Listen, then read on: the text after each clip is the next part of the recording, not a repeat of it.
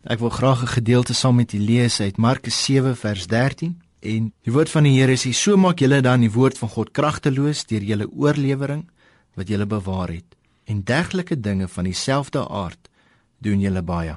Dit is belangrik om te hoor wie sê hierdie woorde en is Jesus wat dit self sê. En hy sê iets ten opsigte van God se woord. Hy sê vir die mense, hy sê so maak julle God se woord kragteloos. Kan dit wees?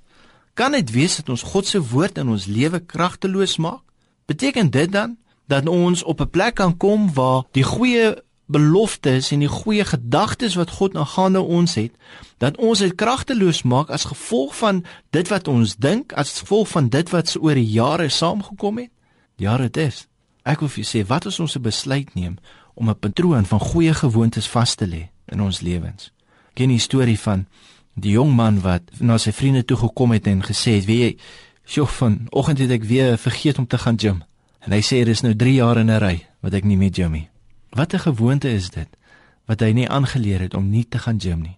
Dit kan hom vir hom goed gewees het, die oefening kan goed wees vir sy liggaam, maar hy het so gewoond geraak om nie te gaan nie dat dit nou 'n algemene ding is. Matteus 28 vers 19 sê vir ons dat ons na die nasies toe moet gaan en disippels moet maak. Ek wil gou vir jou sê, daai woordjie disipel is afgelei van die woord dissipline. En miskien moet ons 'n dissipline in ons lewe begine instel. 'n Patroon vasstel in ons lewe. Het jy al huisgodsdiens oorweeg? Het jy verhinder om die gewoonte aan te leer om te sê ek het nodig om kerk toe te gaan?